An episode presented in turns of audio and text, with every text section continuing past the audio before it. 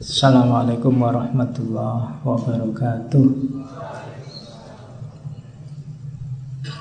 Bismillahirrahmanirrahim. Alhamdulillahirabbil alamin. Wa bihi nasta'inu ala umurid dunya waddin Allahumma salli wa sallim wa barik ala habibina wa syafi'ina Sayyidina wa maulana Muhammadin wa ala alihi wa ashabihi wa man tabi'ahum bi ihsanin ila yaumiddin. Bismillah kita lanjutkan ngaji filsafat kita belajar bersama kita malam hari ini masih ada di tema ekonomi. Kita ambil bukunya Max Weber yang judulnya The Protestant Ethic and the Spirit of Capitalism. Oke. Okay.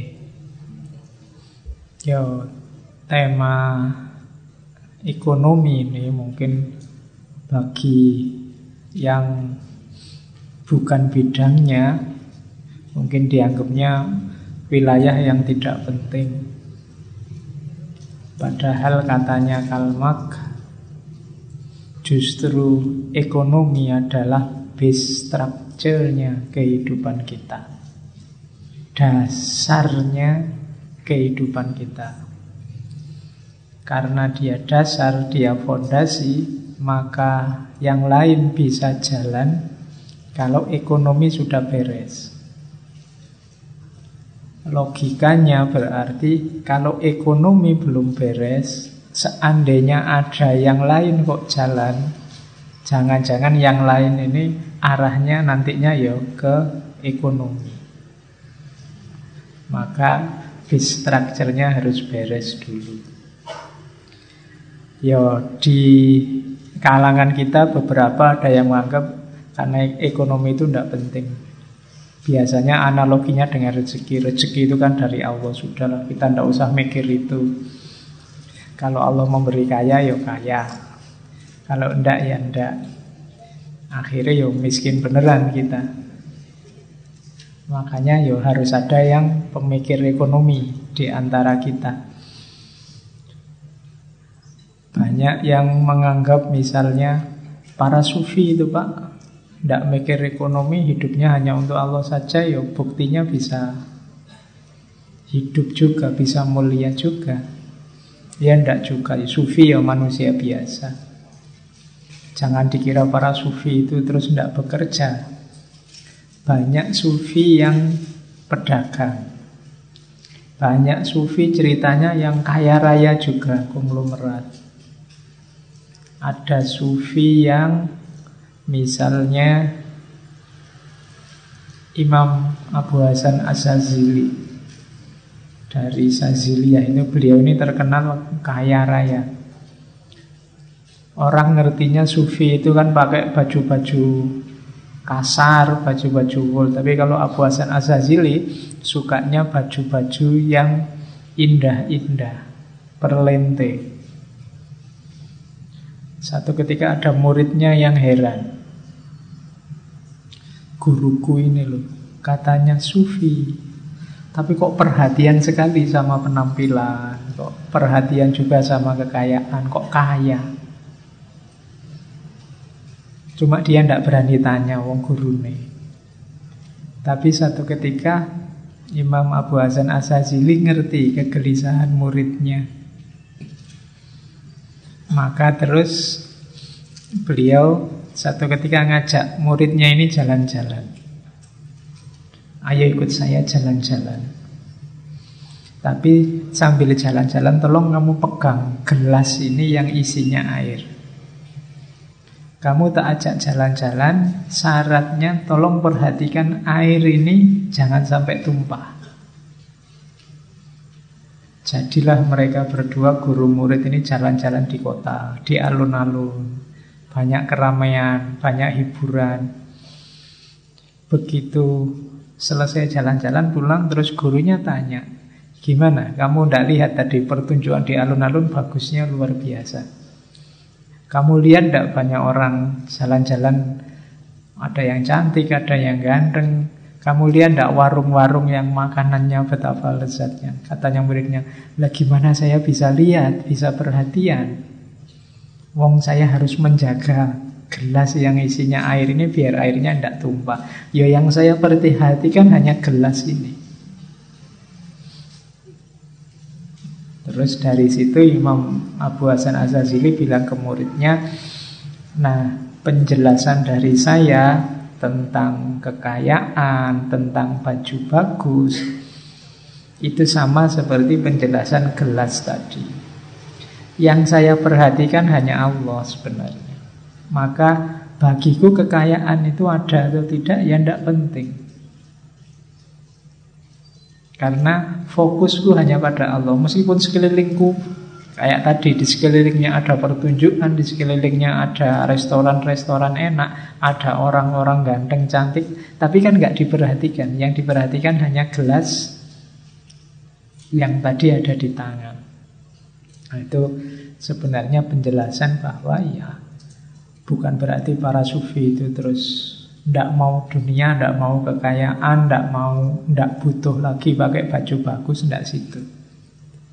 Tapi mereka pastinya tidak terikat oleh dunia, tidak tertipu oleh dunia. Ya mereka berekonomi juga. Oke, nah malam hari ini kita belajar dari Max Weber tentang hubungan antara agama dan ekonomi. Yo pasti saja Max Weber mengambil dari agama yang dekat dengannya. Dia ambil agama Protestan. Meskipun nanti setelah ini, setelah nulis buku ini, Weber juga belajar agama-agama timur. Yo Tionghoa, yo Taoisme, Konghucu dan sebagainya. Jadi Weber ini kan aslinya sosiolog. Cuma beliau ini guru besarnya ekonomi ilmunya ya macam-macam ya sosiologi ya filsafat ya ilmu ekonomi beliau ini kelahiran 1864 jadi abad 19 kemudian beliau keluar rumah kuliah Kenapa beliau keluar rumah? Karena tidak kerasan di rumah. Ceritanya di rumah ini ayahnya politikus, ibunya wanita yang soleh, solihah. Apa? Agama Kristen itu apa jenenge? Uh, yang taat sama agama. Ya. Jadi yang satu sangat taat sama agama, yang satu politikus tidak nyambung akhirnya sering gegeran di rumah sering rame sehingga Max Weber lebih suka adalah kuliah aja di kos-kosan aja lah di rumah sumpah. Nanti ada cerita setelah Max Weber dapat guru besar di bidang ilmu ekonomi satu ketika dia berselisih sama ayahnya. Konflik gegeran tidak enaknya, tepat setelah berselisih sama ayahnya, ayahnya ini meninggal. Ini yang membuat Max Weber ini stres, bertahun-tahun depresi, tidak fokus melakukan apa-apa. Dan ini terjadi 6 sampai 7 tahun. Baru setelah sekitar 7 tahun bisa mengatasi depresi dan stresnya, dimulailah kembali aktivitas intelektualnya dan buku yang terbit beliau tulis pada saat itu yang pertama ya buku di Protestan etik ini. Jadi ini buku pasca depresi. Ya, makanya ada agamanya kelihatan. Meskipun juga rasionalitasnya ada. Oke, kita lihat ya. Bagi mahasiswa sosiologi, sosiologi agama mungkin sudah akrab dengan beliau-beliau ini. Beliau ini dulu pernah kita angkat waktu membahas manusia sempurna. Jejer sama insan kamilnya Iqbal, jejer sama insan kamilnya Ibnu Arabi kita angkat teorinya Weber tentang karisma. Silahkan dicari lagi, saya juga sudah lupa. Dulu waktu bahas karisma, ya di sini saya singgung sedikit karena nanti mengerangkai pandangan-pandangan ekonominya. Oke, ya Weber ini ya berarti sosiolog ya ekonom. Buku terakhir yang kabarnya sebenarnya belum lengkap yang diterbitkan dari Weber judulnya Economy on and Society. Tapi keburu meninggal tapi tetap buku ini terbit. Oke, Bismillah kita awali. Itu sedikit informasi biografis dari Max Weber. Kita awali nanti dari gagasan-gagasan populer dari beliau di ranah sosiologi karena ada beberapa istilah kunci nanti kalau kita mau masuk ke The Protestant Ethic and Spirit of Capitalism. Oke, kita awali dari sini. Jadi yang pertama titik tekannya sosiologinya Max Weber itu ada pada individu justru. Jadi dalam perspektifnya Weber, dunia sosial itu sebenarnya dunia individu-individu. Kalau kita tafsirkan secara jauh, yo kalau ingin kehidupan kita bersama ini baik, sebenarnya yang diperbaiki tidak kok kita perbaiki masyarakat kita, tapi perbaiki individu demi individu. Kalau isinya individu ini orang baik, orang baik, orang baik, ya komunitas kita itu adalah komunitas yang baik.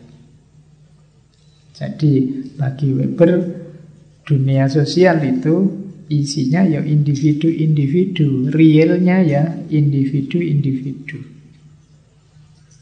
Jadi apa yang dilakukan seorang individu di tengah komunitasnya itu yang dilihat oleh Weber.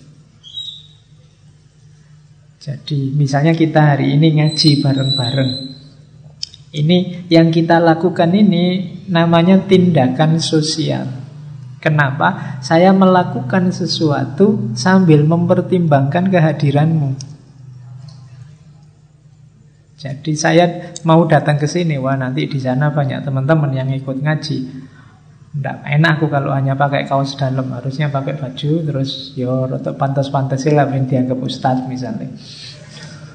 Loh, ini berarti apa? Tindakan ini namanya tindakan sosial. Kalian kan juga begitu, begitu mau ke sini kan sambil mikir, oh nanti banyak orang lain. Sebelum ke sini mandi dulu, ah kasihan nanti yang jejer aku kalau tidak mandi. Ah mandimu itu tindakan sosial sebenarnya. Biar nanti kalau jejer orang lain, kasihan temennya nanti nahan nafas terus. Nah, jadi sosiologi itu Isinya adalah individu-individu yang melakukan tindakan sosial. Dan tindakan sosial itu tindakan yang dilakukan dengan mempertimbangkan kehadiran orang lain. Itu tindakan sosial. Oke, dasarnya ini nanti. Ini yang membedakan sosiologinya Weber dengan sosiologinya yang lain. Ini nanti ada imbasnya kalau waktu kita ngomong tindakan ekonominya. Terus karena dia tindakan individu memahaminya harus lebih ke dalam. Tidak bisa hanya dilihat tampilannya saja. Ketika seorang individu melakukan tindakan sosial, itu kita kalau bahasanya Weber harus first station. First station ini dalam tradisi ilmu sosial humaniora itu biasanya dijajar dengan istilah Erklären. Sama-sama bahasa Jerman. Kalau Erklären itu tinggal dijelaskan saja. Misalnya laptop ini, kenapa kok error? Itu kan tinggal dijelaskan saja, pasti begitu. Jadi di luar manusia itu kita bisa mendeskripsikan dari tampilannya, dari tampaknya, dari kelihatannya. Tapi kalau manusia tidak bisa. Kalau manusia dia harus first station, masuk Kenapa? Loh, individu-individu ini loh, tindakan yang dilakukan bisa sama, tapi maknanya bisa beda. Itu kalau dilihat dari tampilannya saja, kamu bisa salah paham. Kamu datang ke sini sebanyak ini orang itu kalau ditanya satu-satu ngapain sih ke sini? Oh itu jawabannya bisa sebanyak kepala yang ada. Mungkin ada yang ah, daripada nganggur pak gerimis-gerimis nyari kopi, ada yang gitu, ada yang ya diajak temen pak, saya ndak enak kan harus solider pak. Nanti ada yang saya sudah biasanya ngaji pak, kalau ndak ngaji jadi ndak enak. Ada yang karena kebiasaan, ada yang karena nyari kopi, ada yang karena diajak teman, oh macam-macam. Jadi kalau dilihat hanya tampilannya ndak bisa. Kok disimpulkan seragam? Oh ini anak soleh semua mau ngaji Nggak bisa Jadi setiap kepala punya bunyinya sendiri-sendiri Maka memahami tindakan sosial itu tidak bisa hanya dilihat penampilannya. Harus lebih masuk. Makanya tidak hanya pengertian tapi juga pemahaman. Namanya station Ya, di antara jenisnya first station kan nanti ada namanya empati. Empati itu memposisikan orang yang memahami di posisi orang yang dipahami. Untuk memahami susahnya tidak lulus-lulus kuliah, nah, kamu kan harus mengempati. Mengempati itu seandainya aku yang tidak lulus-lulus kuliah, wah aku mesti ya stres. Nah, itu bisa mengempati. Tidak bisa hanya dilihat tampilannya. Oke, jadi tindakan kita yang mempertimbangkan kehadiran orang lain namanya tindakan sosial untuk memahaminya butuh alat namanya verstehen. Oke, yo, nanti variabelnya macam-macam, bisa status sosial, bisa otoritasnya siapa, bisa karena kekuasaannya siapa macam-macam. Tapi yang jelas tidak bisa dijelaskan begitu saja jadi karena kadang-kadang tindakan dulu dengan tindakan sekarang dari orang yang sama maknanya sudah beda. Atau tindakan orang sini dengan tindakan orang sana maknanya beda. Maka kita perlu first day jangan dipahami hanya dari yang kelihatan. Pahamilah dari yang tidak kelihatan. Sama lah kalau tiba-tiba ada temenmu yang tiap hari WA kamu jam segini tanya sudah makan belum? Padahal jawabanmu ya tiap hari sama sudah. Besok tanya lagi sudah. Karena kamu jengkel. Ini tiap hari ditanya dijawab sudah kok masih tanya terus. Nah, itu ya kamu harus first station masuk lebih dalam. Jangan-jangan ada maksud yang lain daripada sekedar tanya sudah makan apa belum. Oh itu namanya first thing. Karena kita berhadapan dengan manusia, tidak berhadapan dengan barang. Kalau barang tinggal dijelaskan.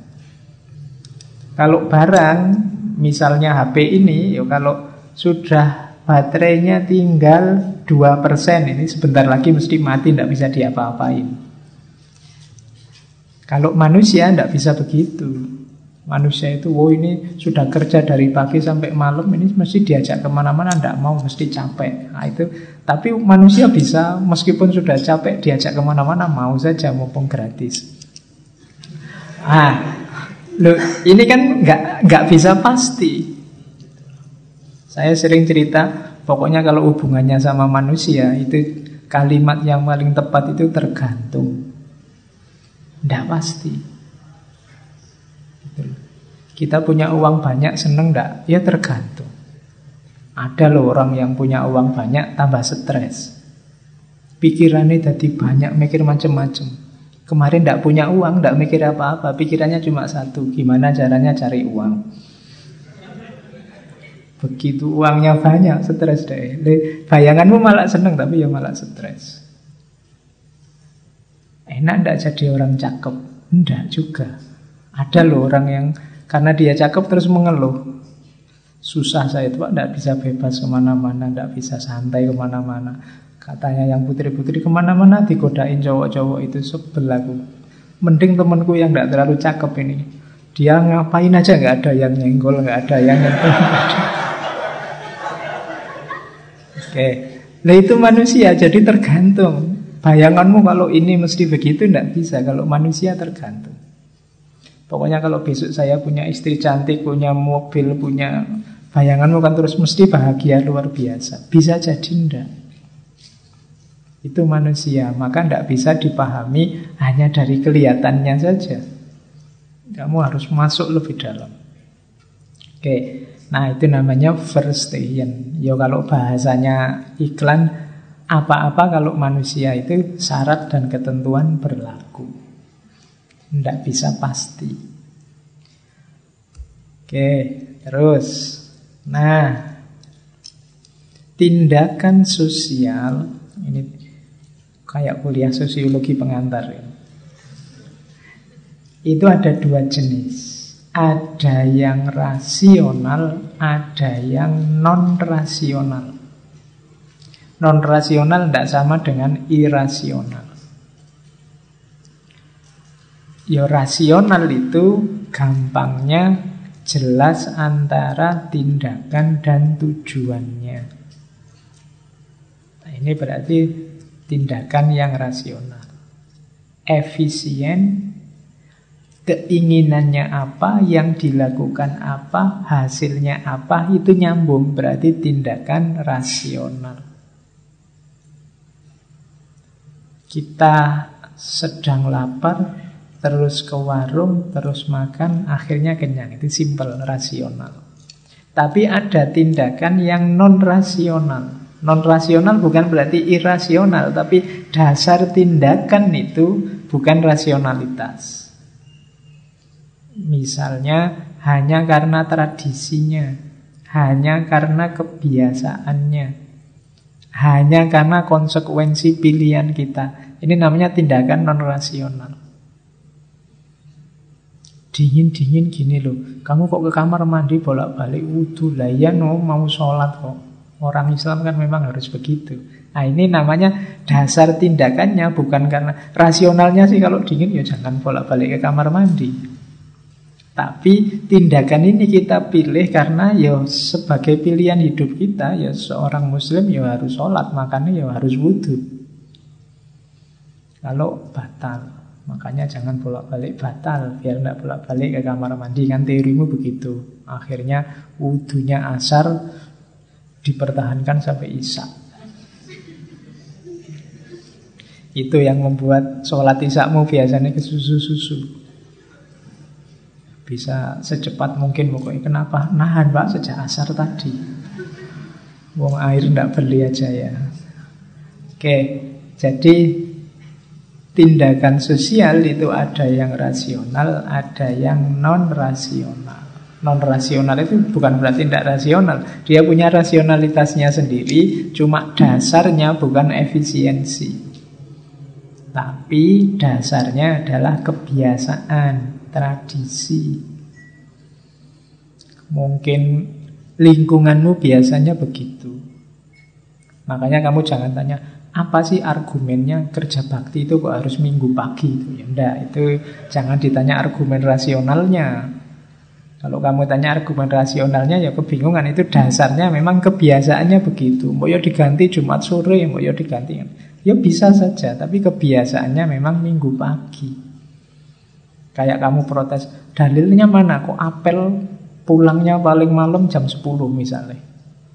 Padahal jam 10 itu aku belum ngapa-ngapain loh. Misalnya, lo ya ndak ono dalilnya, aturan di situ memang begitu. Jadi kalau sudah jam 10 kamu harus pulang. Ini namanya tindakan non rasional. Tidak selalu harus kamu tanyakan dasarnya, argumennya. Karena ada yang ini hanya tradisi saja. Ngaji kok mesti malam kemis toh Pak? Alasannya apa? Tidak ada, sudah terlanjur biasanya begitu. Jadi itu namanya tindakan non rasional. Tidak selalu butuh alasan rasional. Bisa jadi mungkin ya suka-suka aja. Kayak tadi kan tindakan individualmu ya suka-suka aja. Alasannya apa sih kamu itu kok ke mana-mana pakai sarung terus? Ya ndak suka-suka aja, nyamannya begitu. Kalau ditanya rasionalitasnya ndak ada. Punya rasionalitas sendiri mungkin. Oke, jadi ada dunia sosial yang basisnya individu, ada tindakan sosial, dan ada tipe tindakan sosial yang rasional dan non-rasional. Terus, nah tindakan rasional tadi juga jenisnya empat, tidak dua. Yang rasional dua, jenis lainnya dua. Tipe tindakan rasional. Yang pertama, rasional karena perhitungan untung rugi. Jadi tindakan rasional instrumental namanya. Jadi tindakan rasional instrumental itu kalian ngitung untung ruginya. Dapat apa sih aku kalau ngaji malam ini? Nah, lumayan loh, ada ada kopinya, ada tehnya, ada jajannya, ada ilmunya, ada teman barunya, ada banyak. Ayo datang aja. Nah, kamu perhitungan semacam ini namanya berarti tindakanmu tindakan instrumental rasional. Jadi tindakan rasional yang sifatnya instrumental. Jadi kamu perhitungan untung rugi. Pilihlah aku saja, maka kamu akan dapat A, B, C, D. Nah, itu berarti tindakan instrumental rasional. Jenis pertama. Ada jenis kedua adalah tindakan value rasional. Value rasional action.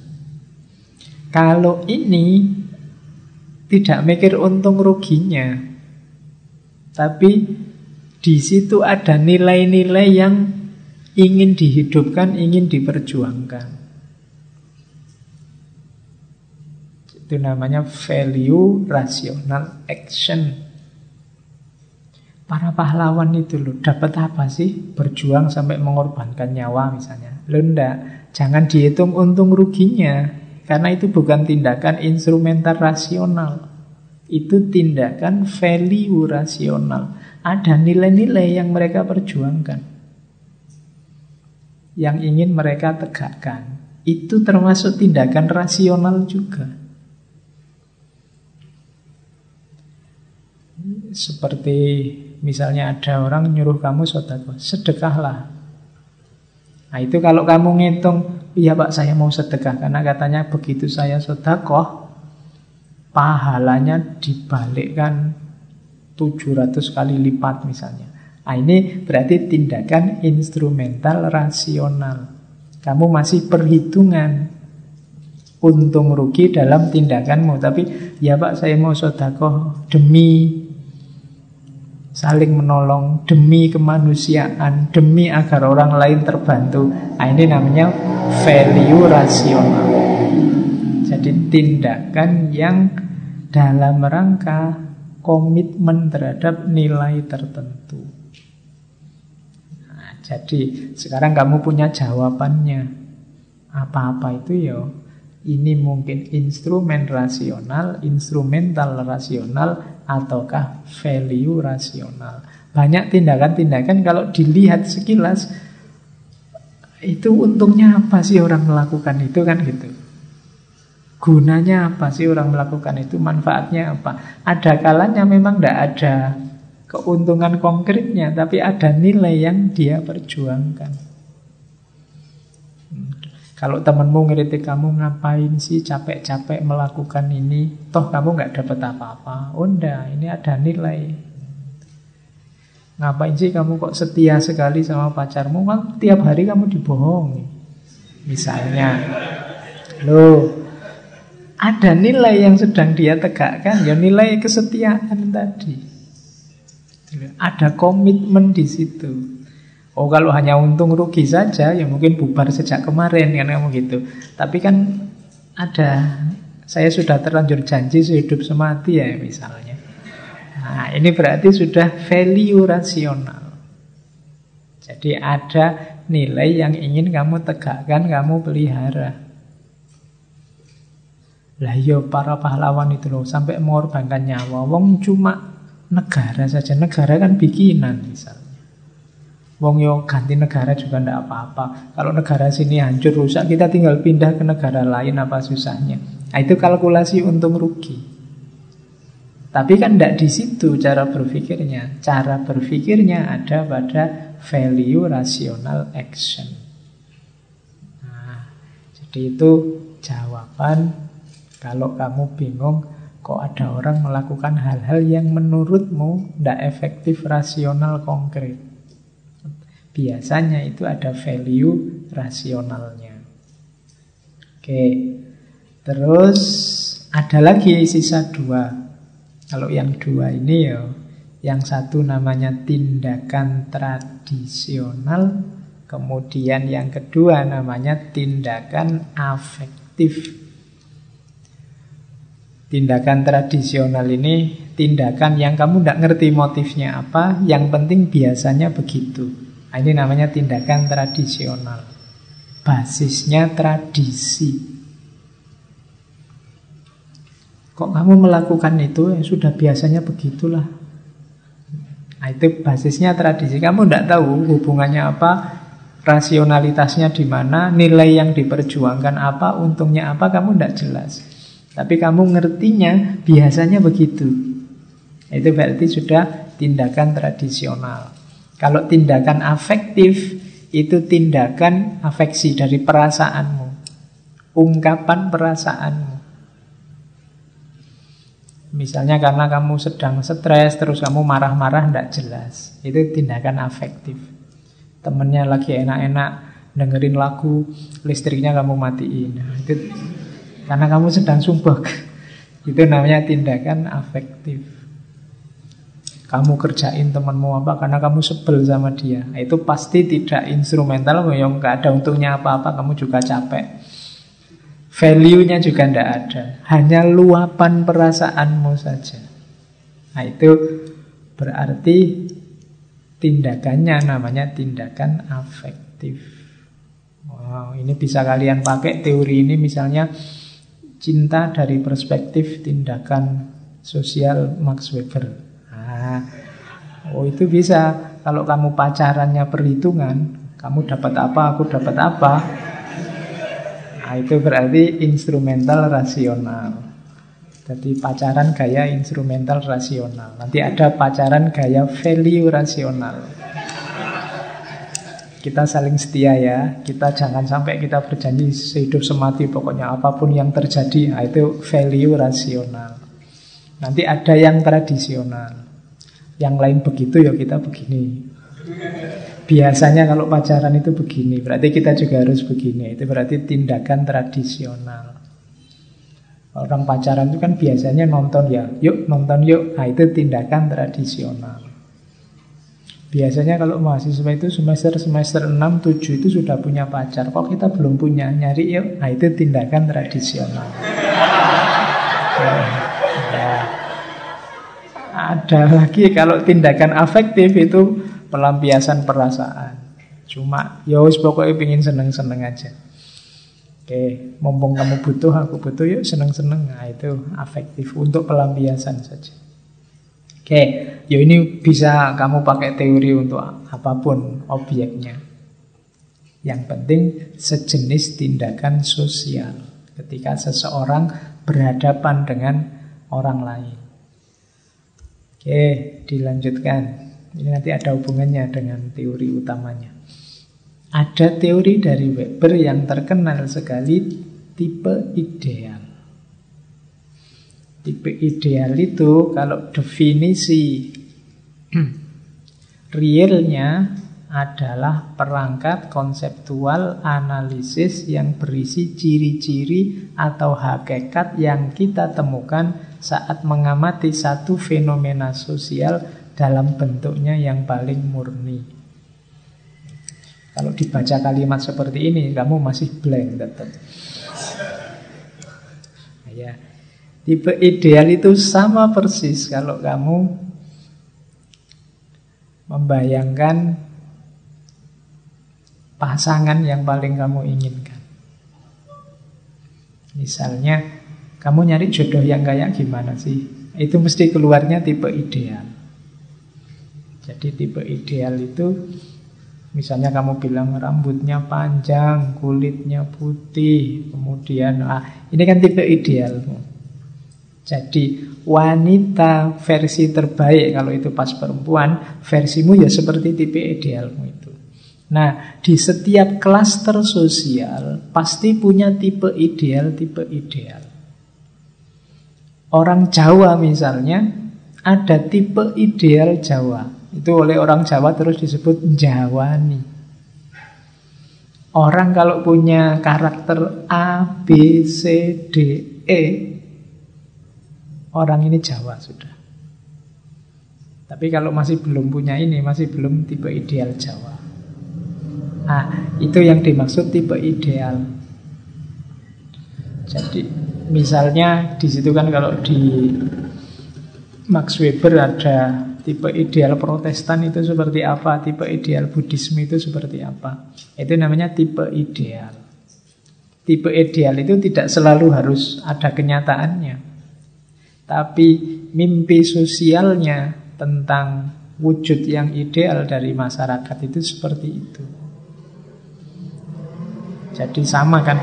Kadang-kadang kan orang Jawa itu bahkan ada orang yang tidak Jawa sekalipun, tapi kalau punya karakter tertentu disebut orang ini Jawa nih. Kenapa? Dia figur yang punya karakter tipe ideal seperti Jawa. Nah, filosof yang menurutmu tipe ideal misalnya itu ya Socrates. Nah, itu berarti tipe ideal filosof itu Socrates. Jadi kalau ada orang yang punya karakter seperti Socrates ini, dialah filosof. Nah itu namanya tipe ideal. Kalau kalian ingin menjelaskan sebuah klaster sosial, itu cara paling mudah adalah Coba cari tipe idealnya. Oh, kita ingin mencari Islam yang moderat, Islam yang tidak ekstrim. Itu sejenis tipe ideal. Jadi seorang muslim yang moderat itu satu cirinya ini, ini, ini. Nah, itu namanya tipe ideal. Jadi kalian setiap orang sebenarnya ya punya tipe ideal, apalagi setiap klaster masyarakat. Jadi ini teori dari Max Weber. Kalian boleh nanti neliti masyarakat apa, itu terus pakai tipe ideal ini. Misalnya, saya ingin neliti aliran ini Pak. Saya ingin ngecek tipe ideal masyarakat di aliran ini seperti apa. Dia ingin membentuk masyarakat yang seperti apa. Nah, itu namanya nanti tipe ideal. Jadi tadi masyarakat itu fokusnya pada individu-individu, kemudian yang dilakukan individu di tengah masyarakatnya namanya tindakan sosial, yang itu ada yang rasional, ada yang non-rasional, ada yang sifatnya tradisional, ada yang sifatnya afektif. Tapi di tengah macam-macam tindakan sosial tadi ada namanya tipe ideal. Yo, selalu ada pengecualian-pengecualian, tapi tipe ideal inilah benchmarknya kalau pakai bahasa kampus. Oke, jadi itu teori selanjutnya. Ini saya mengangkat dulu istilah-istilah baru nanti masuk ke protestan etiknya. Nah, perlu dipahami juga nanti di Max Weber bedanya power dan otoritas. Jadi kalau power itu kemungkinan seseorang atau sekelompok orang mewujudkan keinginan mereka. Kalau otoritas adalah kemungkinan satu perintah ditaati atau dibantah. Tak kasih contoh paling gampang. Dosenmu di kelas ketika berhadapan dengan dirimu, beliau punya otoritas. Jadi karena secara formal kamu mahasiswanya, maka kamu harus manut. Nah itu berarti apa? Beliau punya otoritas terhadapmu. Saya di hadapanmu, aku tidak punya otoritas apa-apa.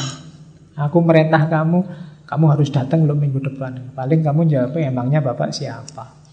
Kok nyuruh-nyuruh saya? Hubungannya apa? Aku tidak punya otoritas. Tapi mungkin sedikit atau besar aku punya power.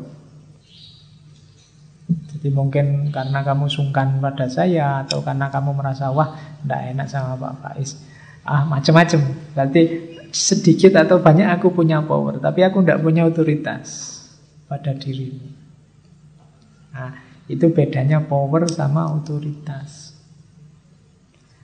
Pacarmu pada dirimu, itu mungkin dia tidak punya otoritas. Tapi dia punya power.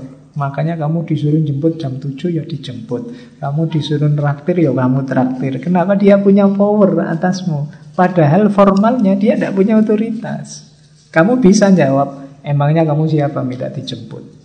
Istri juga bukan, resmi juga belum. Oh itu secara formal belum punya otoritas, tapi secara power dia punya pada dirimu.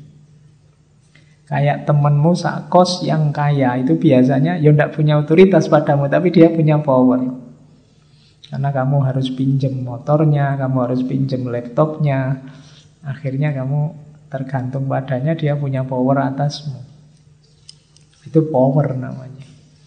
Atau temanmu yang soleh sementara kamu mursal. Aku butuh dia, ini dia pinter kalau berdoa. Biar aku didoakan aja. Nah itu dia sedikit banyak punya power padamu. Meskipun tidak punya otoritas. Nah di masyarakat relasi-relasi ini hidup.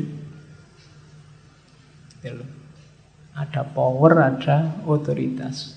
Ya mungkin lebih mudah Pak Kiai itu punya power di masyarakat. Tapi yang punya otoritas Pak Lurah. Nah, itu bedanya power sama otoritas. Oke, jadi ya relasi antar individu di dunia sosial secara hierarkis nanti ada yang jenisnya power, ada yang jenisnya otoritas. Nah, kalau itu otoritas, modelnya dua nanti. Ada model rasional legal, ada model non rasional. Jadinya dua, tipe ideal. Nah, maka tadi ada tipe ideal, karena ini teori ini nyambung-nyambung. Tipe ideal otoritas. Berarti yang resmi tadi ya. Ada yang rasional legal, ada yang non rasional. Yang rasional legal kalau di Weber contohnya birokrasi. Itu otoritas rasional legal. Kamu sebagai mahasiswa berhadapan dengan ketua jurusanmu, ketua prodimu, itu berarti otoritas modern.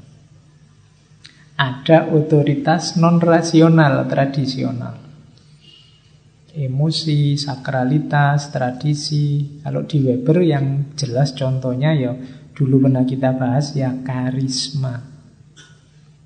Jadi orang-orang yang diikuti tidak karena formalitas aturan, tapi karena karismanya. Keseganan orang, ketundukan orang padanya. Nah, itu berarti ada otoritas non-rasional. Jadi ada dua jenis tipe ideal otoritas.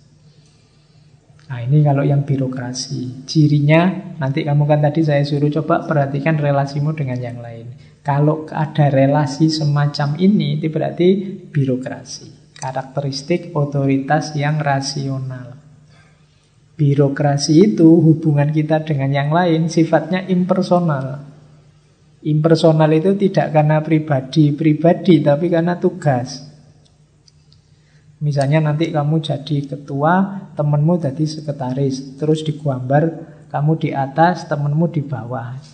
Itu tidak ada hubungannya dengan wah, saya levelnya lebih rendah pak dari dia, ndak. Yaitu rasionalitas kerjanya, itu namanya birokrasi. Yang di bawah juga tidak boleh, wah saya protes saya, jangan hierarki lah gambarnya, tidak tauhid itu, jajar aja misalnya. Tidak, oh, itu birokrasi. Jadi ada reasoningnya. Hubungannya dengan tugas-tugas. Kemudian ada tadi ya hierarki posisinya, kemudian ada job description-nya. Lo kamu mau di atas ya silahkan, cuma kalau yang di atas kerjanya ini ini loh, sebutannya ini. Kalau yang di bawah kerjanya ini sebutannya ini. Gajinya sekian. Jadi kalau yang atas gajinya sekian karena kerjaannya lebih berat. Nah, itu namanya birokrasi. Hubungannya kontraktual. Kontrak itu berarti ya disepakati. Tidak usah tanya dalilnya. Dalilnya apa kok ketua lebih tinggi dari sekretaris? Tidak ada. Itu hubungannya kontrak. Kesepakatan bersama. Sudah ya kita punya acara, saya ketuanya, kamu sekretarisnya ya, nanti kerjanya ketua apa, sekretaris apa, kamu bendaharanya saja. Nah, sekarang kita jalankan kegiatannya.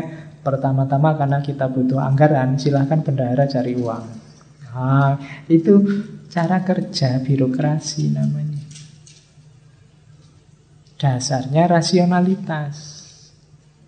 Oke, beda dengan yang karismatik. Kalau karismatik Pokoknya manut satu orang yang dianggap punya karisma tadi.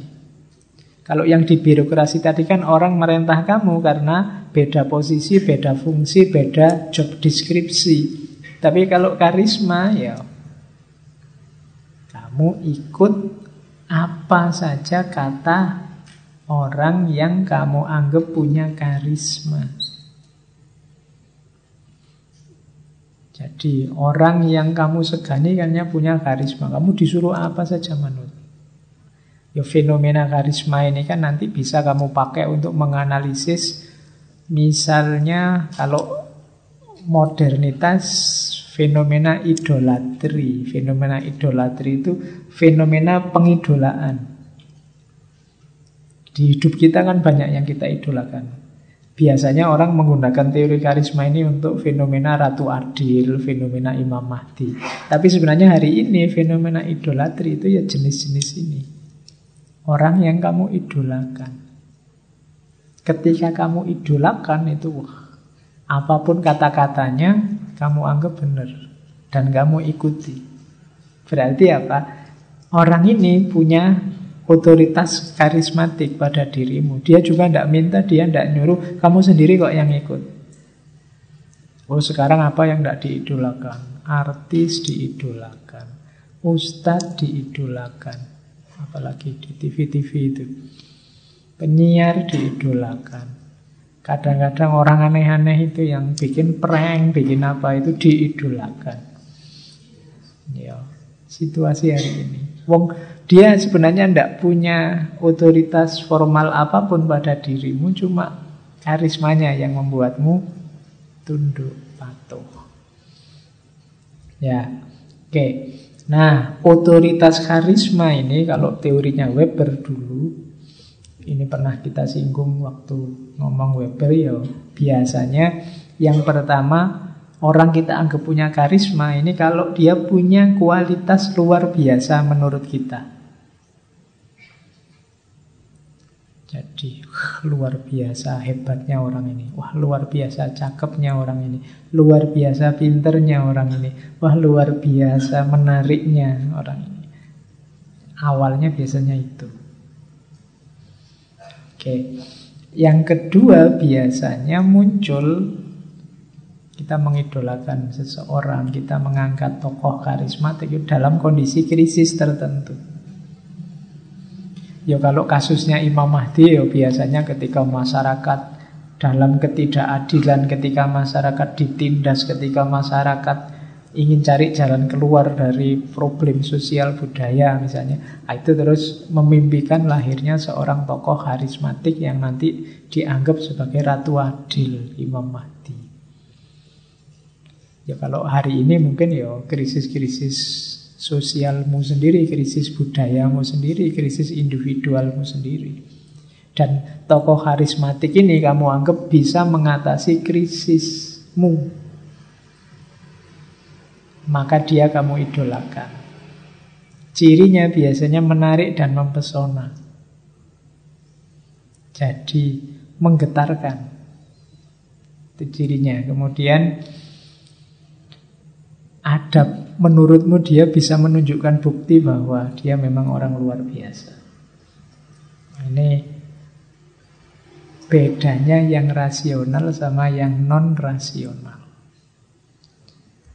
Oke, sudah ya itu dasarnya. Sebelum kita masuk ke The Protestant Ethic. Sekarang kita mulai tema utama kita hubungan antara agama dan ekonomi. Yang pertama kita lihat tipe-tipenya ya. Tipe-tipe hubungannya. Ada orang yang pertama menganggap agama yo ya agama, ekonomi ya ekonomi. Jangan dicampur-campur. Kalau dicampur-campur nanti jangan-jangan mengekonomikan agama apa mengagamakan ekonomi misalnya. Wis biar jalan sendiri-sendiri sajalah. Nah, itu paradigma pertama, paradigma independen. Yo kalau pas dagang yo saya perhitungan pak untung rugi. Kadang-kadang nipu-nipu sedikit tidak apa-apa, wong ekonomi. Tapi kalau agama ya tidak boleh. Kalau agama ya harus jujur. Nah ini pandangan independen. Pokoknya agama jangan ikut campur dalam ekonomi. Ekonomi punya logika sendiri, agama punya logika sendiri. Nah itu makanya kadang-kadang orang kalau ada kasus apa, lo lihat konteksnya dong, itu kan konteksnya ekonomi misalnya. Nah, itu pandangan independen. Jadi agama ya agama, ekonomi ya ekonomi. Eh, ya banyak yang punya pandangan begini. Kalau dalam tradisi modern kadang-kadang pandangan independen ini disebut cara berpikir sekuler. Jangan dicampur-campur antara agama dan ekonomi. Ada yang kedua, agama mempengaruhi ekonomi. Ya bisa secara positif, bisa secara negatif. Misalnya agama mempengaruhi ekonomi itu pandangan-pandangan agama yang nanti mengintervensi kehidupan ekonomi. Kalau dalam Islam misalnya ada yang jelas secara formal jual beli boleh tapi riba jangan ya. Nah itu agama masuk ke ranah ekonomi. Jadi dari sisi nilai misalnya agama mempengaruhi ekonomi itu Agama menyuruh kita jujur, menyuruh kita tidak berlebihan, menyuruh kita hemat, menyuruh kita rajin, tekun. Ini kan hubungannya sama ekonomi semua. Jadi, ya nanti termasuk kasus yang diangkat oleh Max Weber ini, bagaimana agama mempengaruhi ekonomi. Dari sisi bentuknya juga, kadang-kadang agama kan Jual beli yang ini boleh, tapi jual beli yang semacam ini tidak boleh. Kalau yang ini haram, Kalau yang ini boleh halal. Nah, itu juga agama masuk ke ranah ekonomi. Termasuk yang secara negatif misalnya pandangannya kalmak. Kalmak itu melihat agama mempengaruhi ekonomi. Pengaruhnya di mana? Agama ini sering membuat orang pasif. Tidak agresif. Makanya Kalmak kan menyebutnya kontroversial sekali bagi Kalmak agama itu disebut candu. Candu itu kan membuat orang teler, lupa situasi konkretnya, hidup di langit, lupa kehidupan di bumi. Melayang-layang. Nah, bagi Kalmak, orang beragama itu sering kayak orang mengkonsumsi candu. Hidupnya tidak konkret. Harusnya dia bangkit melawan penindasan. Harusnya dia memperjuangkan ketertinggalan sosial budaya ekonominya. Tapi kadang-kadang agama membuat orang jadi pasif. Sudahlah pasrah saja. Gusti Allah sing ngatur. Tuhan tidak tidur. Tenang saja.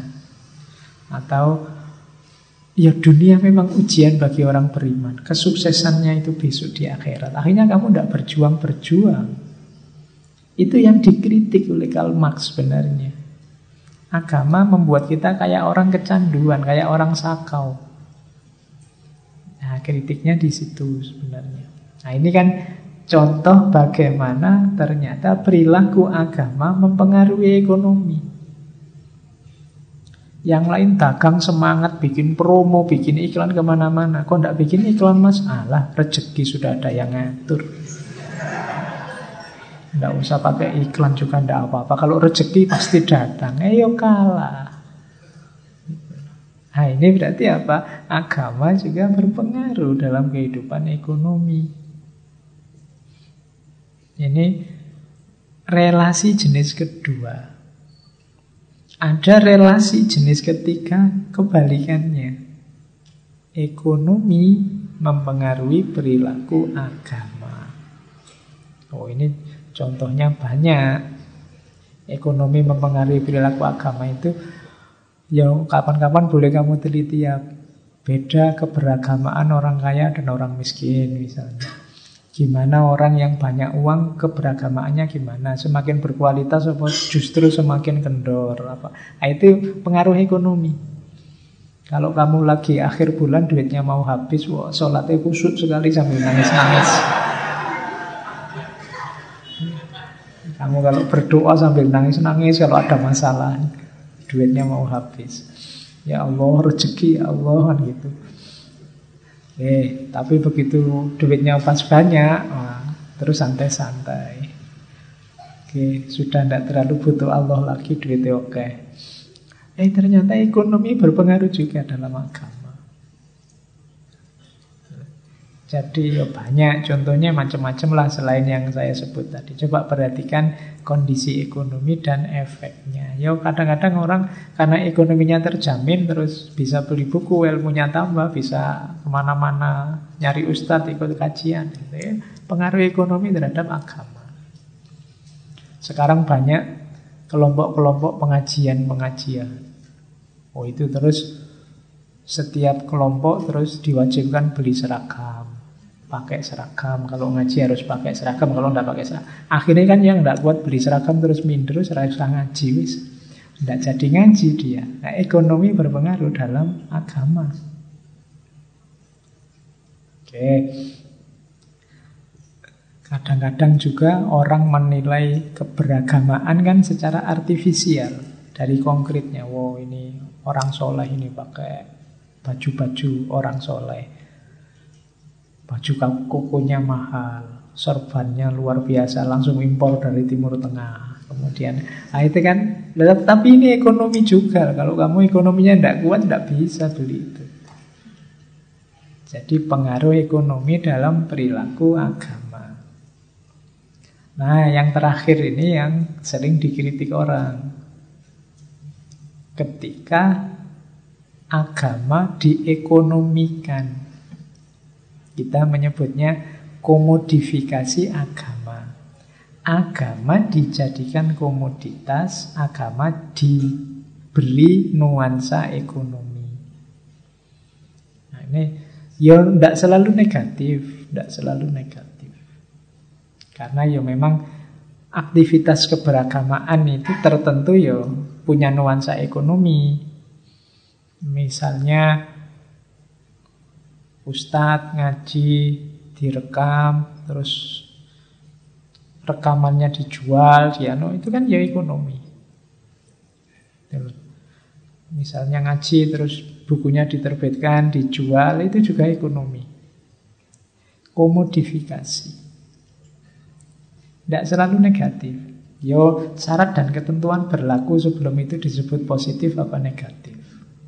Yo karena memang ini berjalin hidup ekonomi itu tidak bisa orang itu misah-misah. Ini aku kayak tadi loh ini ekonomi ini agama susah. Karena ini dua-duanya terlibat secara eksistensial dalam hidup kita sehari-hari. Kamu tidak bisa loh misah pak ini hidup saya yang sosial ini hidup saya yang individual ya iso. Ini nyambung-nyambung semua ini yang ekonomi tidak bisa. Nah jadi ya nanti komodifikasi agama ini konotasinya jadi negatif ketika tadi agama dijadikan jalan untuk mencari keuntungan saja. Makanya ada kalimat, ada ayat dalam Al-Quran itu Jangan menjual ayat-ayat Allah dengan harga yang murah. Kenapa? Oh berarti kalau mahal boleh Pak. Pikiranmu mesti ke situ. Jadi, jangan menjual agama, menukar agama untuk kepentinganmu. Itu kan maksudnya. Jadi kemuliaan agama jangan ditukar dengan kepentingan keuntunganmu yang sesaat. Meskipun itu otomatis imigrasi. Contoh paling gampang, misalnya ngaji seperti ini ya. Kalau agama kan menyuruh kita jangan dijual itu bukan berarti, oh berarti ustadznya nggak boleh dikasih honor, nggak begitu. Susah aku kalau teorinya begitu. ya, jadi yang nggak boleh itu tujuannya itu, itu namanya komodifikasi. Kalau tujuannya itu, ya berarti agamanya tidak jadi tujuan. Saya ngaji aja serius, tidak usah mikir nanti dikasih berapa. Karena itu logikanya ya pasti dikasih, tapi tidak usah jadi perhatian itunya. Perhatianku hanya pada yang tak omongkan ini bagus apa enggak, manfaat apa enggak untuk orang lain itu saja.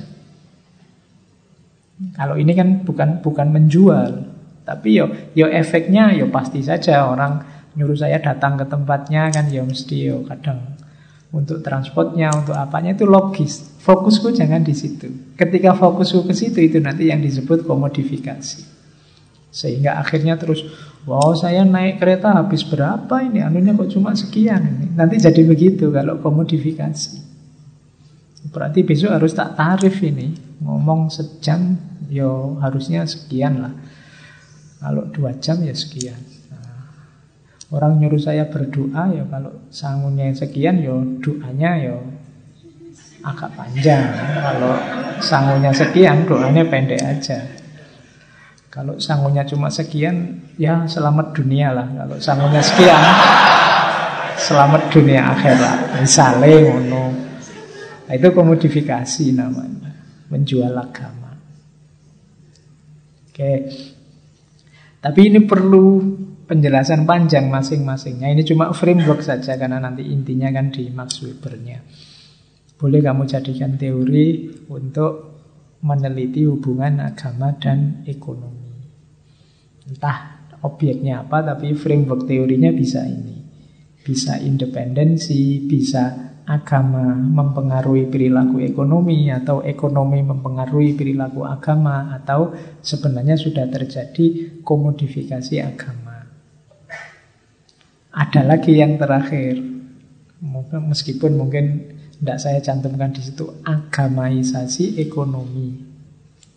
Agamaisasi ekonomi itu berarti orang nyembah ekonomi, mengagamakan ekonomi.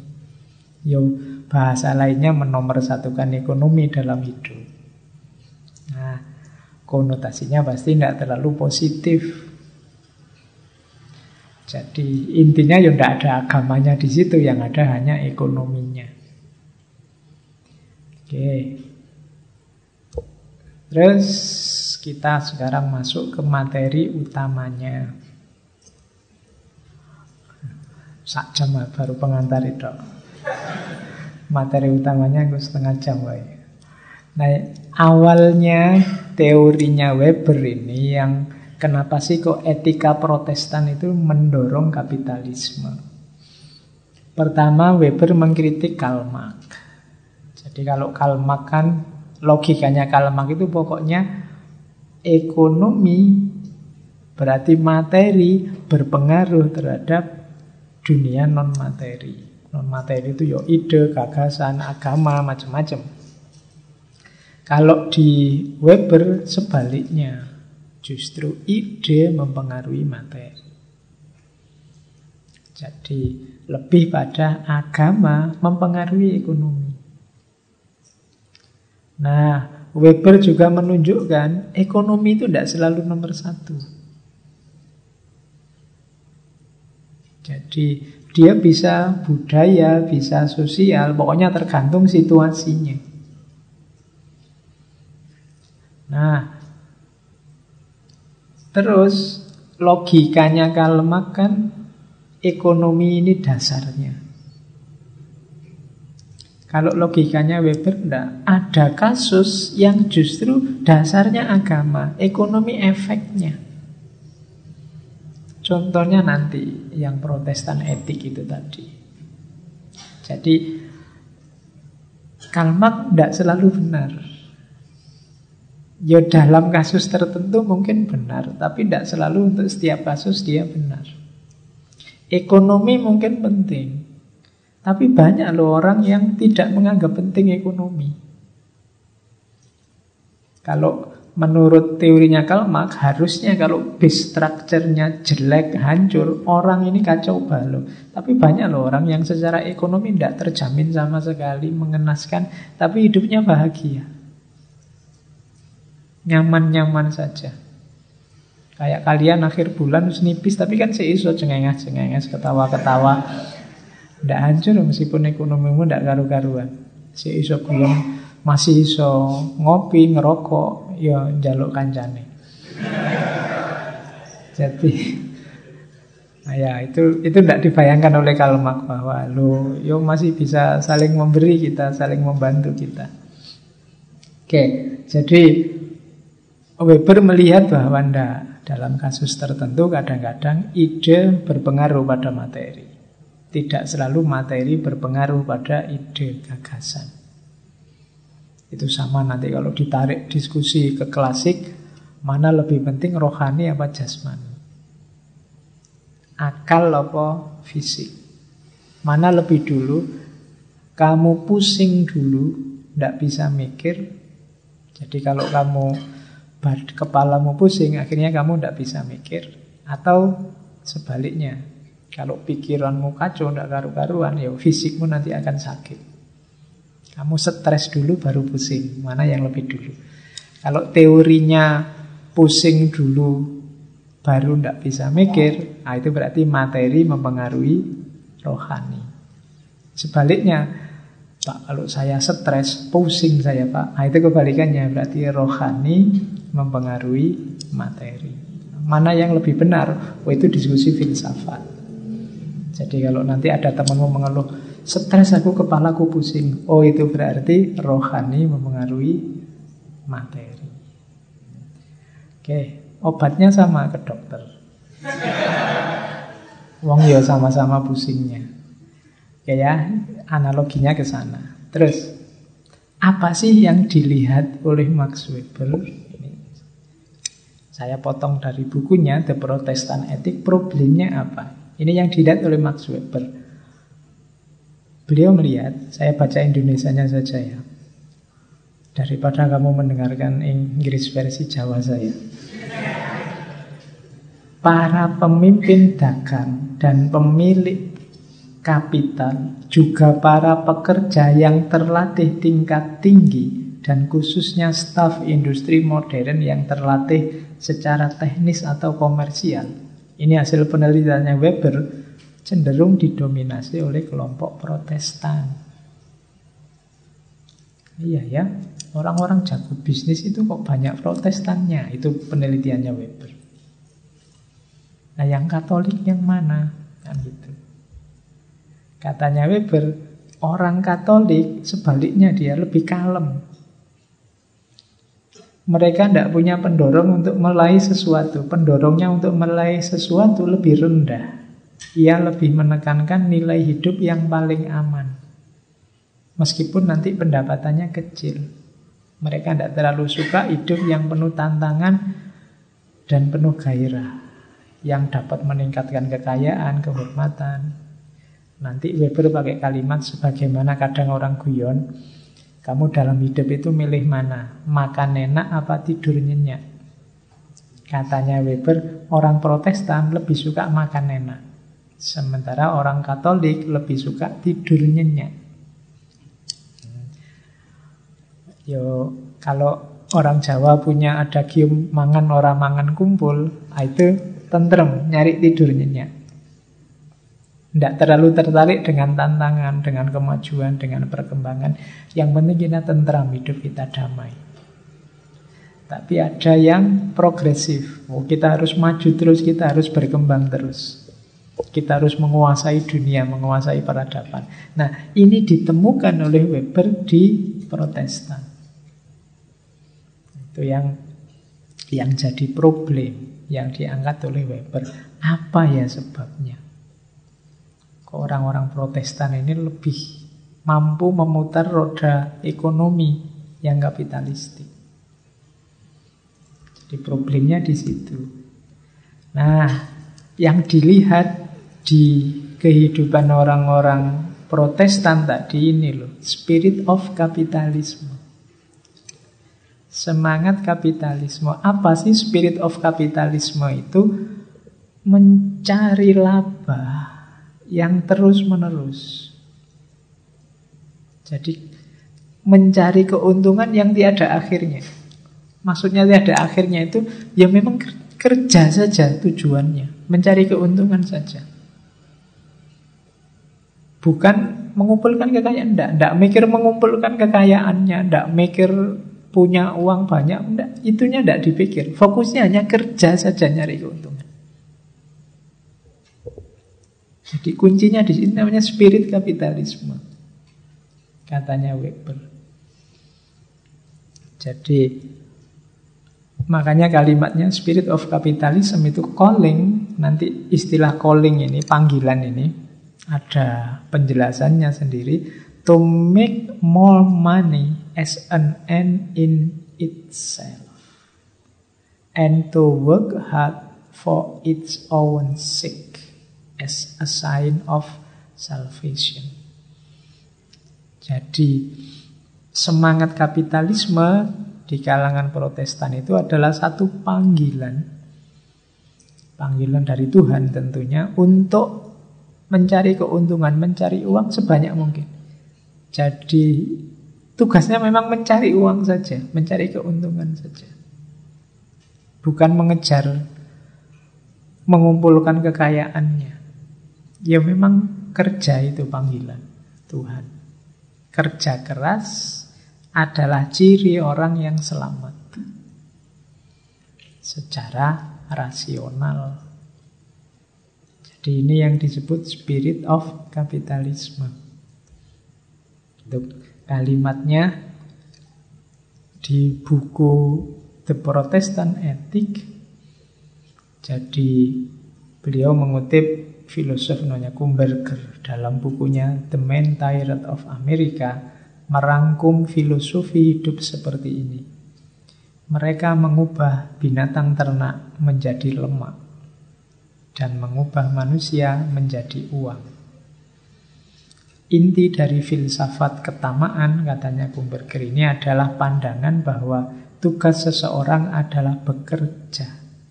untuk meningkatkan kekayaannya yang dipandang sebagai tujuan dalam dirinya sendiri. Jadi spirit kapitalisme berarti ya kerja itu saja.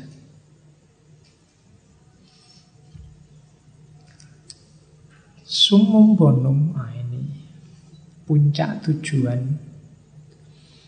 Sumum bonum dulu kita ngomong ini misalnya di etikanya Immanuel Kant ada istilah sumum bonum.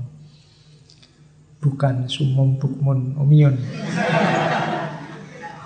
Itu ngaji. Jadi etika ini, spirit of capitalism ini isinya apa? Menghasilkan uang. Lebih banyak uang. Kalau sudah banyak uang, terus ngapain Pak? Tidak ada ngapainnya, pokoknya cari uang saja. Sekaligus menghindari seneng-seneng Pak, enggak. Apalagi kesenangan yang terlarang.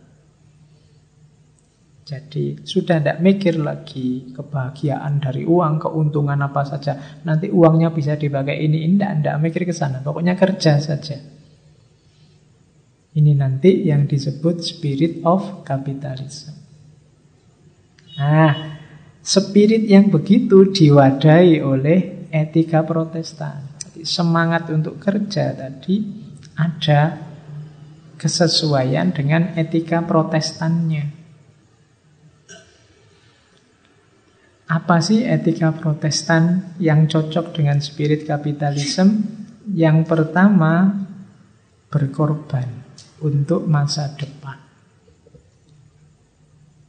Jadi, ini sebenarnya kalimatnya kan kelihatannya kalimat rasional biasa. Tapi ini kalimat ini ya kita juga sering pakai berkorban untuk masa depan.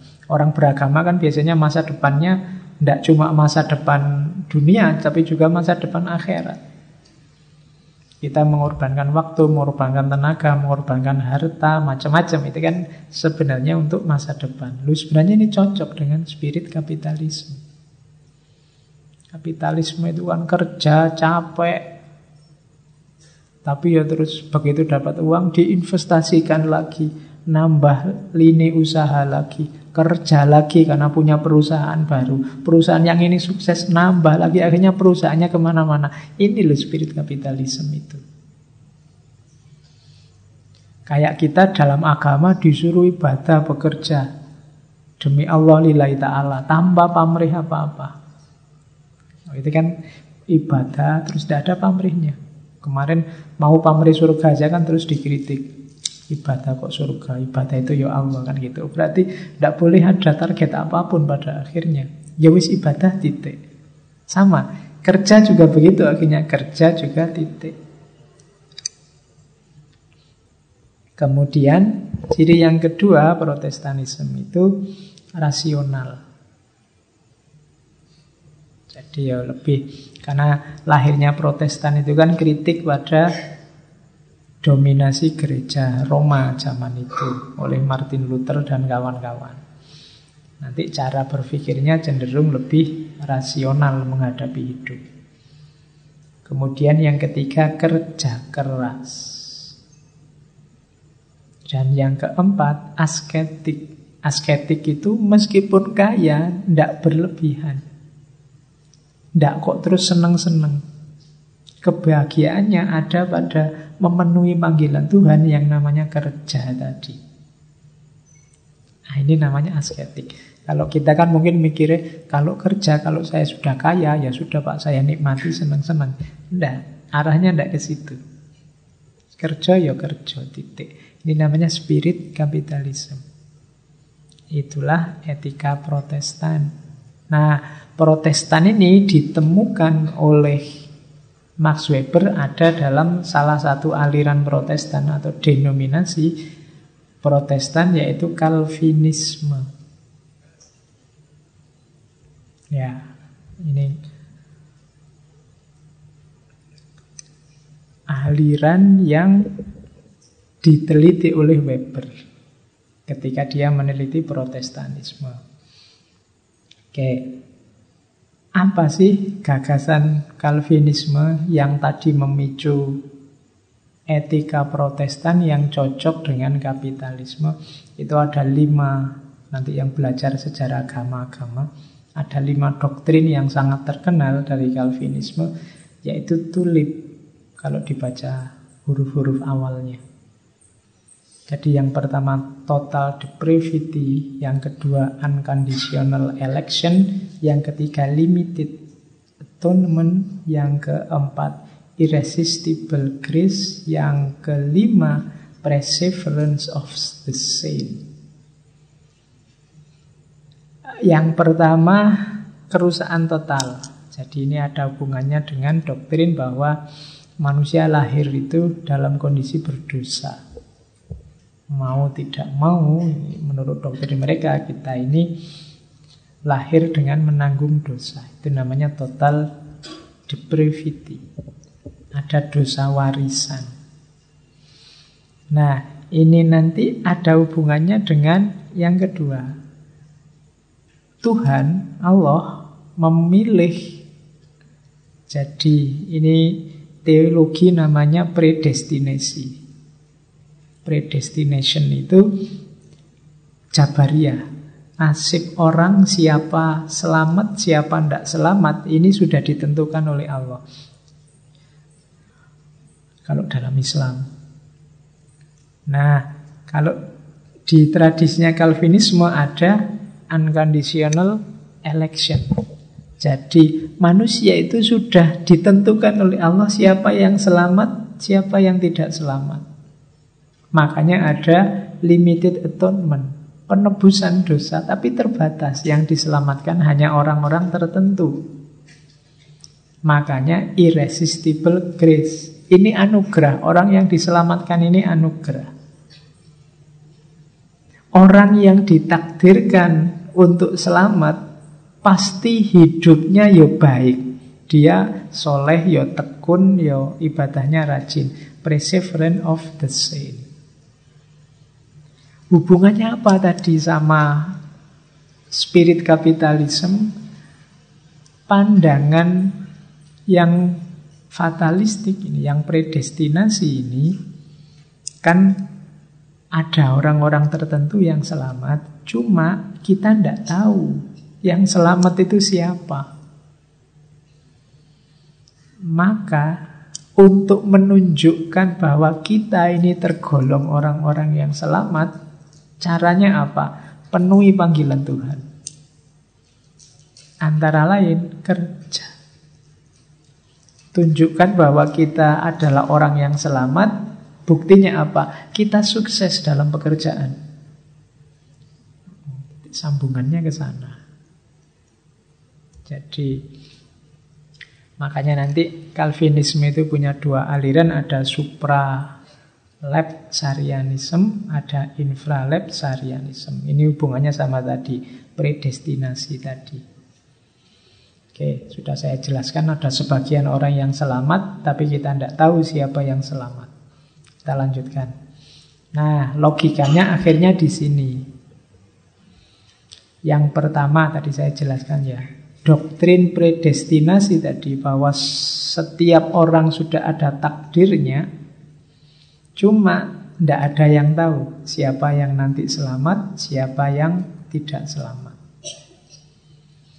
Maka untuk meyakinkan diri sendiri dan orang lain bahwa kita adalah orang yang selamat, maka mari kita bekerja keras, kita berkorban demi masa depan, kita tekun menjalankan semua panggilan Tuhan maka kalau semuanya sukses, jadilah kita orang yang punya ciri-ciri orang yang selamat.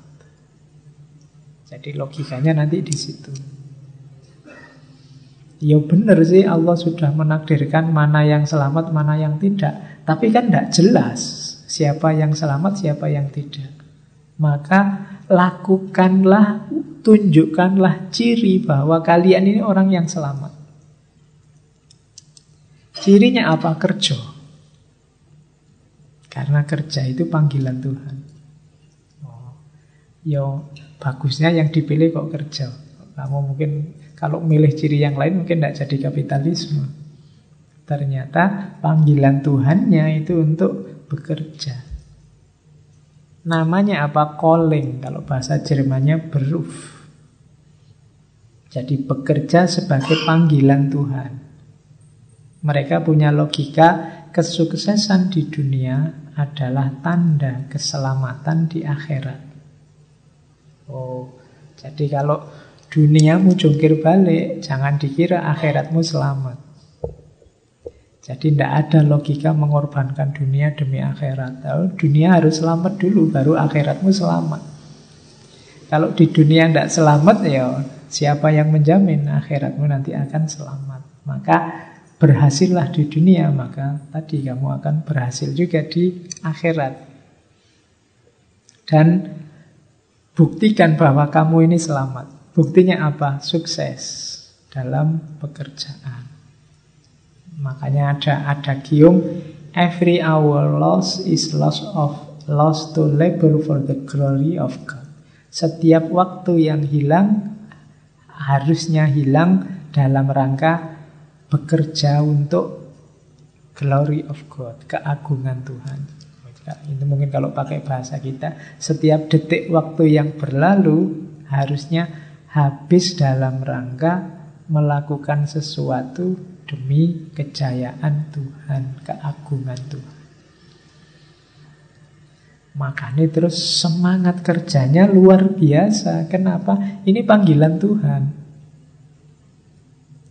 Jadi panggilannya ada di kerjanya ini. Kok sukses? Mereka tidak mikiri, makanya di bukunya Weber disebut paradok. Sudah kerja keras, sukses, kaya, tapi terus ada larangan-larangan, tidak boleh ini, tidak boleh itu. Yang tadi disebut asketis tadi. Tidak boleh senang-senang. Ya sudah, berarti apa? Kekayaan ini dipakai lagi untuk kerja. Kalau pakai bahasa kapitalisme kan diinvestasikan lagi. Karena diinvestasikan lagi, yo dia tambah kerja lagi, tambah luas lini kerjanya, tambah kaya. Tambah kaya lagi, yo investasi lagi. Itu loh makanya protestan etik terus jadi spirit of capitalism. Dia melahirkan semangat seperti semangatnya kapitalisme. Nah, jadi ternyata beragama, pandangan agama bisa berpengaruh dalam kehidupan ekonomi. Makanya kalian juga harus meneliti juga kira-kira persepsi keberagamaan yang kamu yakini tentang kehidupan ekonomi seperti apa.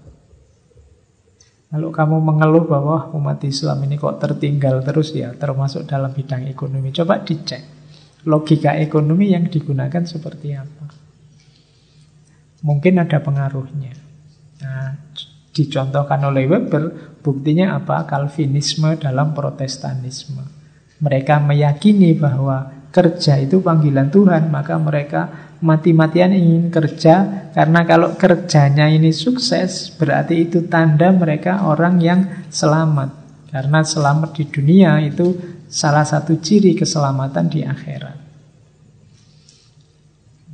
Jadi itulah inti teori dari The Protestant Ethic and the Spirit of Capitalism etika protestan dan spirit kapitalisme.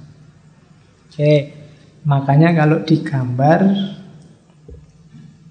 tabelnya seperti itu. Munculnya kapitalisme dari Calvinisme.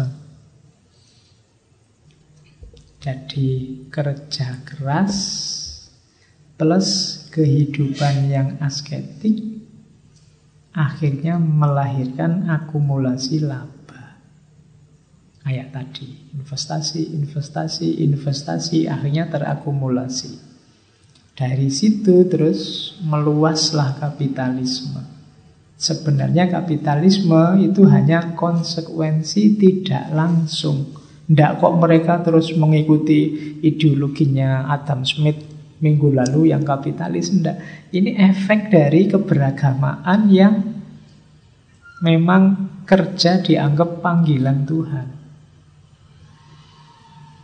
Jadi karena menganggap kerja ini panggilan Tuhan, ya kamu Meskipun ngelamar CPNS diterima apa enggak, pokoknya aku harus kerja dan sukses.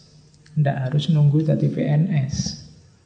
Jadi PNS ya Alhamdulillah syukur. Enggak juga enggak apa-apa, yang penting harus kerja. Ketika sudah bekerja, kamu enggak mikir kalau sudah kerja enak terus seneng-seneng. Enggak, enggak seneng-seneng karena itu plus asketisisme. Agama melarang kehidupan duniawiyah, kehidupan yang terikat oleh dunia. Lah terus gimana ini hasilnya kerja yang banyak ini? Ya sudah, dipakai saja untuk kerja lagi. Berarti apa? Diinvestasikan lagi untuk pekerjaan. Oh, maka perusahaannya tambah luas. Tambah untung besar lagi, yo investasi lagi. Akhirnya apa? Kapitalisme. Lahir konglomerat, konglomerat. Jadi kalau diurut di tabel itu diawali dari anxiety over afterlife. Ke, apa? Ketakutan, kecemasan, wah aku nanti masuk surga apa enggak ya? Aku nanti selamat apa enggak ya? Kan gitu. Karena takut terus, wah biar aku selamat harus mengikuti petunjuknya Tuhan. Eh ternyata Tuhan calling, Tuhan memanggil kita untuk bekerja. Ya sudah, aku tak kerja. Kerja dengan tekun. Karena aku kerja dengan tekun, akhirnya apa? Modalnya ngumpul. Karena modalnya ngumpul, ini hasilnya dibuat apa? Tapi kan hidup mewah-mewahan secara duniawi itu kan tercela. Ya sudah, hasilnya buat kerja lagi saja. Dan lahirlah kapitalisme. Jadi di situlah kuncinya bahwa the Protestant ethic itu menjadi spirit of capitalism. Nanti oleh Weber teori ini dilanjutkan, beliau meneliti juga ke Tiongkok dengan agama-agama lokal. Meskipun belum menemukan spirit yang sama di agama-agama timur. Oke. Ah, ya, ini ada beberapa quote dari Max Weber. ada hubungannya dengan yang dijelaskan di depan tadi. It is not true that good can only follow only from from good and evil only from evil, but that often the opposite is true. Anyone who fails to see this is indeed a political infant. Jadi tidak benar bahwa kebaikan itu hanya lahir dari kebaikan dan kejahatan hanya lahir dari kejahatan. Kadang-kadang kebalikannya juga bisa, juga benar. Orang yang tidak bisa memahami ini, ya pastinya dia hanya political infant. Politikus yang masih balita. Dia belum paham hukum alam. Jadi tidak selalu kok yang jelek-jelek itu munculnya dari yang jelek juga. Kadang-kadang perbuatan kita baik, lahirnya jelek. Atau sebaliknya, kita melakukan yang jelek, lahirnya bagus. Virus corona itu jelek. Kan kamu tidak suka. Tapi melahirkan hal-hal baik juga. Kamu sekarang hati-hati ke mana-mana sekali-sekali cuci tangan kemudian kan banyak sekarang kebaikan-kebaikan yang lahir dari padahal kemarin kamu cueknya luar biasa. Kamu kadang-kadang habis megang apa tanganmu ke mana-mana makan ya langsung aja pakai tangan santai saja. Wah sekarang kamu sudah. Sekarang kamu sudah. Karena ngerti pentingnya bau mulut pentingnya nyemprot orang lain terus kamu beli masker. Itu kan kebaikan yang lahir dari hal yang menurutmu jelek virus corona hikmahnya selalu pasti ada kalimat itu kan begitu tapi sering juga hal-hal sebaliknya hal baik yang dilakukan tapi hasilnya jelek Kadang-kadang kamu ingin menasehati temanmu. Menasehati itu kan bagus. Tapi hasilnya malah putus persaudaraan, gegeran, tidak habis-habis sampai akhir zaman. Kan bisa begitu. Nah itu berarti apa? Hal jelek yang muncul dari hal baik. Maka kamu harus jeli benar, tidak selalu yang baik muncul dari yang baik, yang jelek muncul dari yang jelek ada sisi-sisi baik yang lahir dari kejelekan dan biasanya ada sudut-sudut yang tidak terlalu bagus dari aktivitas-aktivitas yang bagus. Nah, itu perhatikan saja. Oke. Ya macam-macam. Tapi kan kalau misalnya belajar ini Pak, jeleknya apa? Ya banyak. Belajar kan pasti baik, iya. Tapi hasilnya tidak pasti baik. Ilmu kan Pak hasilnya ya enggak juga. Ada orang tambah pinter tambah sombong. Rajin ngaji itu bagus, tapi kok terus merasa pinter daripada yang tidak ngaji itu blunder. Kejelekan. Kemarin kamu tidak sombong karena nggak pernah ngaji. Sekarang ikut ngaji plus sombong. Oh, kan beda. Jadi perhatikan efek itu tidak selalu linier dengan sebabnya.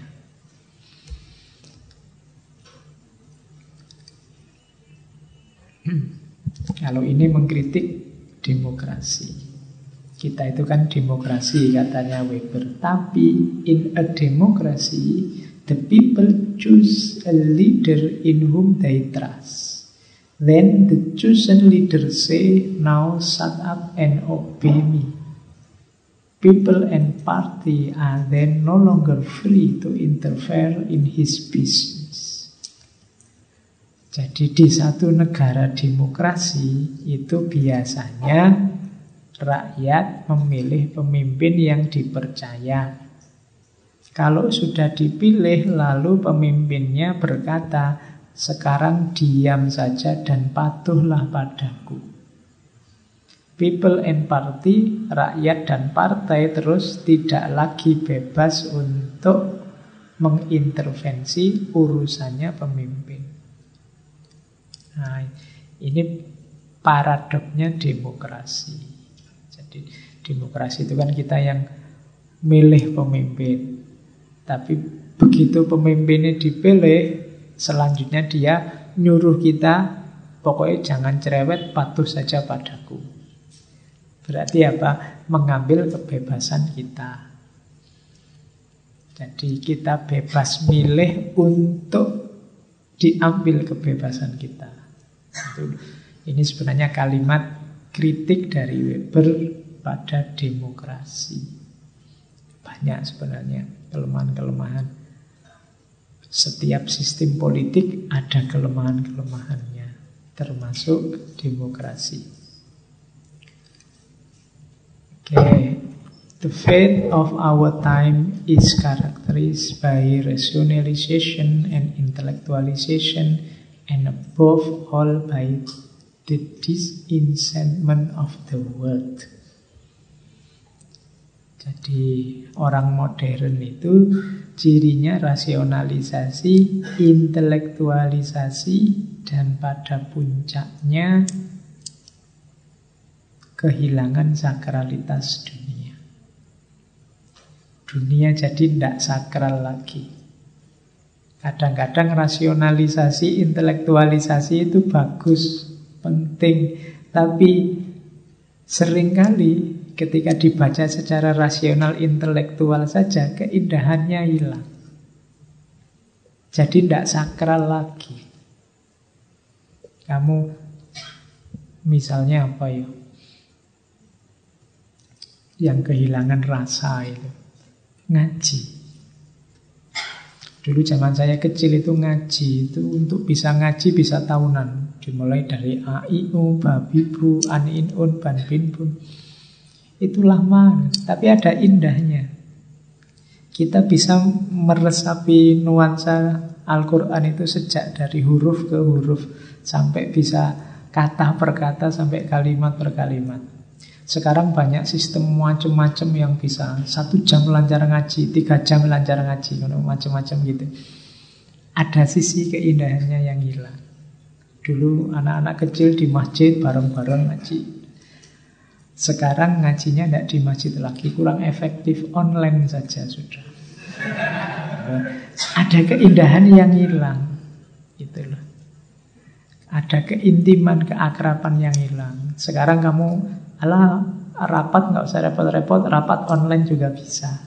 Ada keakrabannya, rasional, efisien, tapi ada disenchantment. Indahnya dunia perlahan-lahan hilang. Oke. Dulu sekeluarga bareng-bareng nonton TV itu masih indah. Sebelumnya lebih indah lagi karena sak kampung bareng-bareng karena TV-nya cuma satu. Tapi sekarang bahkan TV pun tidak disentuh, semuanya di kamarnya sendiri-sendiri pegang HP-nya. Ada keindahan yang hilang. Rasional, efektif, tapi kita kehilangan banyak juga.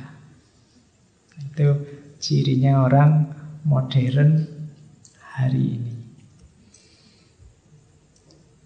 Oke, It is the intellectual who transform the concept of the word into the problem of meaning.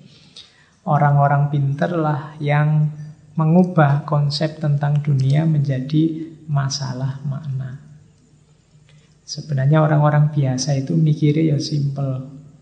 Tapi kadang-kadang orang pinter itu yang bikin ruwet. Hal-hal sederhana begitu ketemu orang pinter jadi rumit. Orang itu ngerti ini biasa-biasa, tapi begitu orang pinternya datang, oh ini maknanya bisa A, bisa B, bisa C, puyeng bisa orang awamnya. Eh, jadi di antara tugasnya orang pinter ternyata yaitu tadi bikin puyeng, bikin rumit. Kadang-kadang kalau tidak rumit belum dianggap filosof. Filosof itu tumbuh mikirnya. Nah, itu dosanya para intelektual ini. Wis pinter tapi yo akhirnya malah masuknya ke problem of meaning. Problem of meaning itu problem makna. Yang itu terus bisa macam-macam. Misalnya kayak tadi loh ketika saya ngomong tergantung. Ini kira-kira teh ini kalau sudah dingin masih enak enggak ya? Sebenarnya kan jawabannya masih enak Pak atau sudah tidak enak Pak kan selesai. Tapi begitu intelektual datang, oh lihat dulu Pak perspektifnya. Jadi ini dari mana dulu bagi orang yang psikologinya bla bla bla bla. Wah, ini indah sudah enak, tapi tambah ruwet mau tinggal ngomong masih enak sama ndak kan selesai. Nah, itu intelektual. Oke, misalnya ini saya dikasih teh sama air putih. Kan mikirnya monggo Pak Faiz silahkan mau milih ini apa ini. Kan sebenarnya simple. Takmirnya cuma ngasih pilihan saja monggo saya mau minum yang mana. Begitu intelektual datang mengapa ya kalau di sini itu dikasih dua? Nanti ulamanya datang ini namanya mubadir. Kemudian ahli matematika. Oh, ini kelihatannya nanti ahli fisika juga datang. Oh, menurut fisika suapeh ya perspektif. Oh, padahal ya jawabannya sederhana. Ya, itu kan kayak ada cerita ada seorang anak kecil pinter ngelukis. Pokoknya lukisannya selalu mengagumkan, bikin orang penasaran. Cirinya satu, kalau dia ngelukis itu selalu cuma setengah kanvas. Wah itu para ahli kritikus semuanya berteori. Wah ini menunjukkan bahwa dunia sudah setengah gila. Ada yang bilang wah ini menunjukkan bahwa hidup kita itu memang hitam putih Kadang baik kadang buruk. Teori ini macam-macam. Begitu anaknya ditanya Le ini kira-kira kamu ngelukis kok selalu setengah itu maknanya apa? Enggak, karena kanvasnya besar. Saya kan masih kecil Jadi enggak Enggak nyampe atasnya jadi gambarnya cuma setengah terus akhirnya. Jadi ya wong jawabannya simple itu. Begitu kedatangan intelektual jadi rumit. Itu the problem of meaning. Oke teman-teman, Alhamdulillah Max Weber dengan The Protestant Ethic and Spirit of Capitalism-nya sudah kita tunaikan. Insya Allah minggu depan kita lanjutkan dengan Ibnu Khaldun untuk pembanding ya bagaimana para filosof muslim juga menggagas tentang dunia ekonomi. Oke, saya kira itu kurang lebihnya mohon maaf. Wallahul muwafiq, wallahu a'lam bishawab. Wassalamualaikum warahmatullahi wabarakatuh.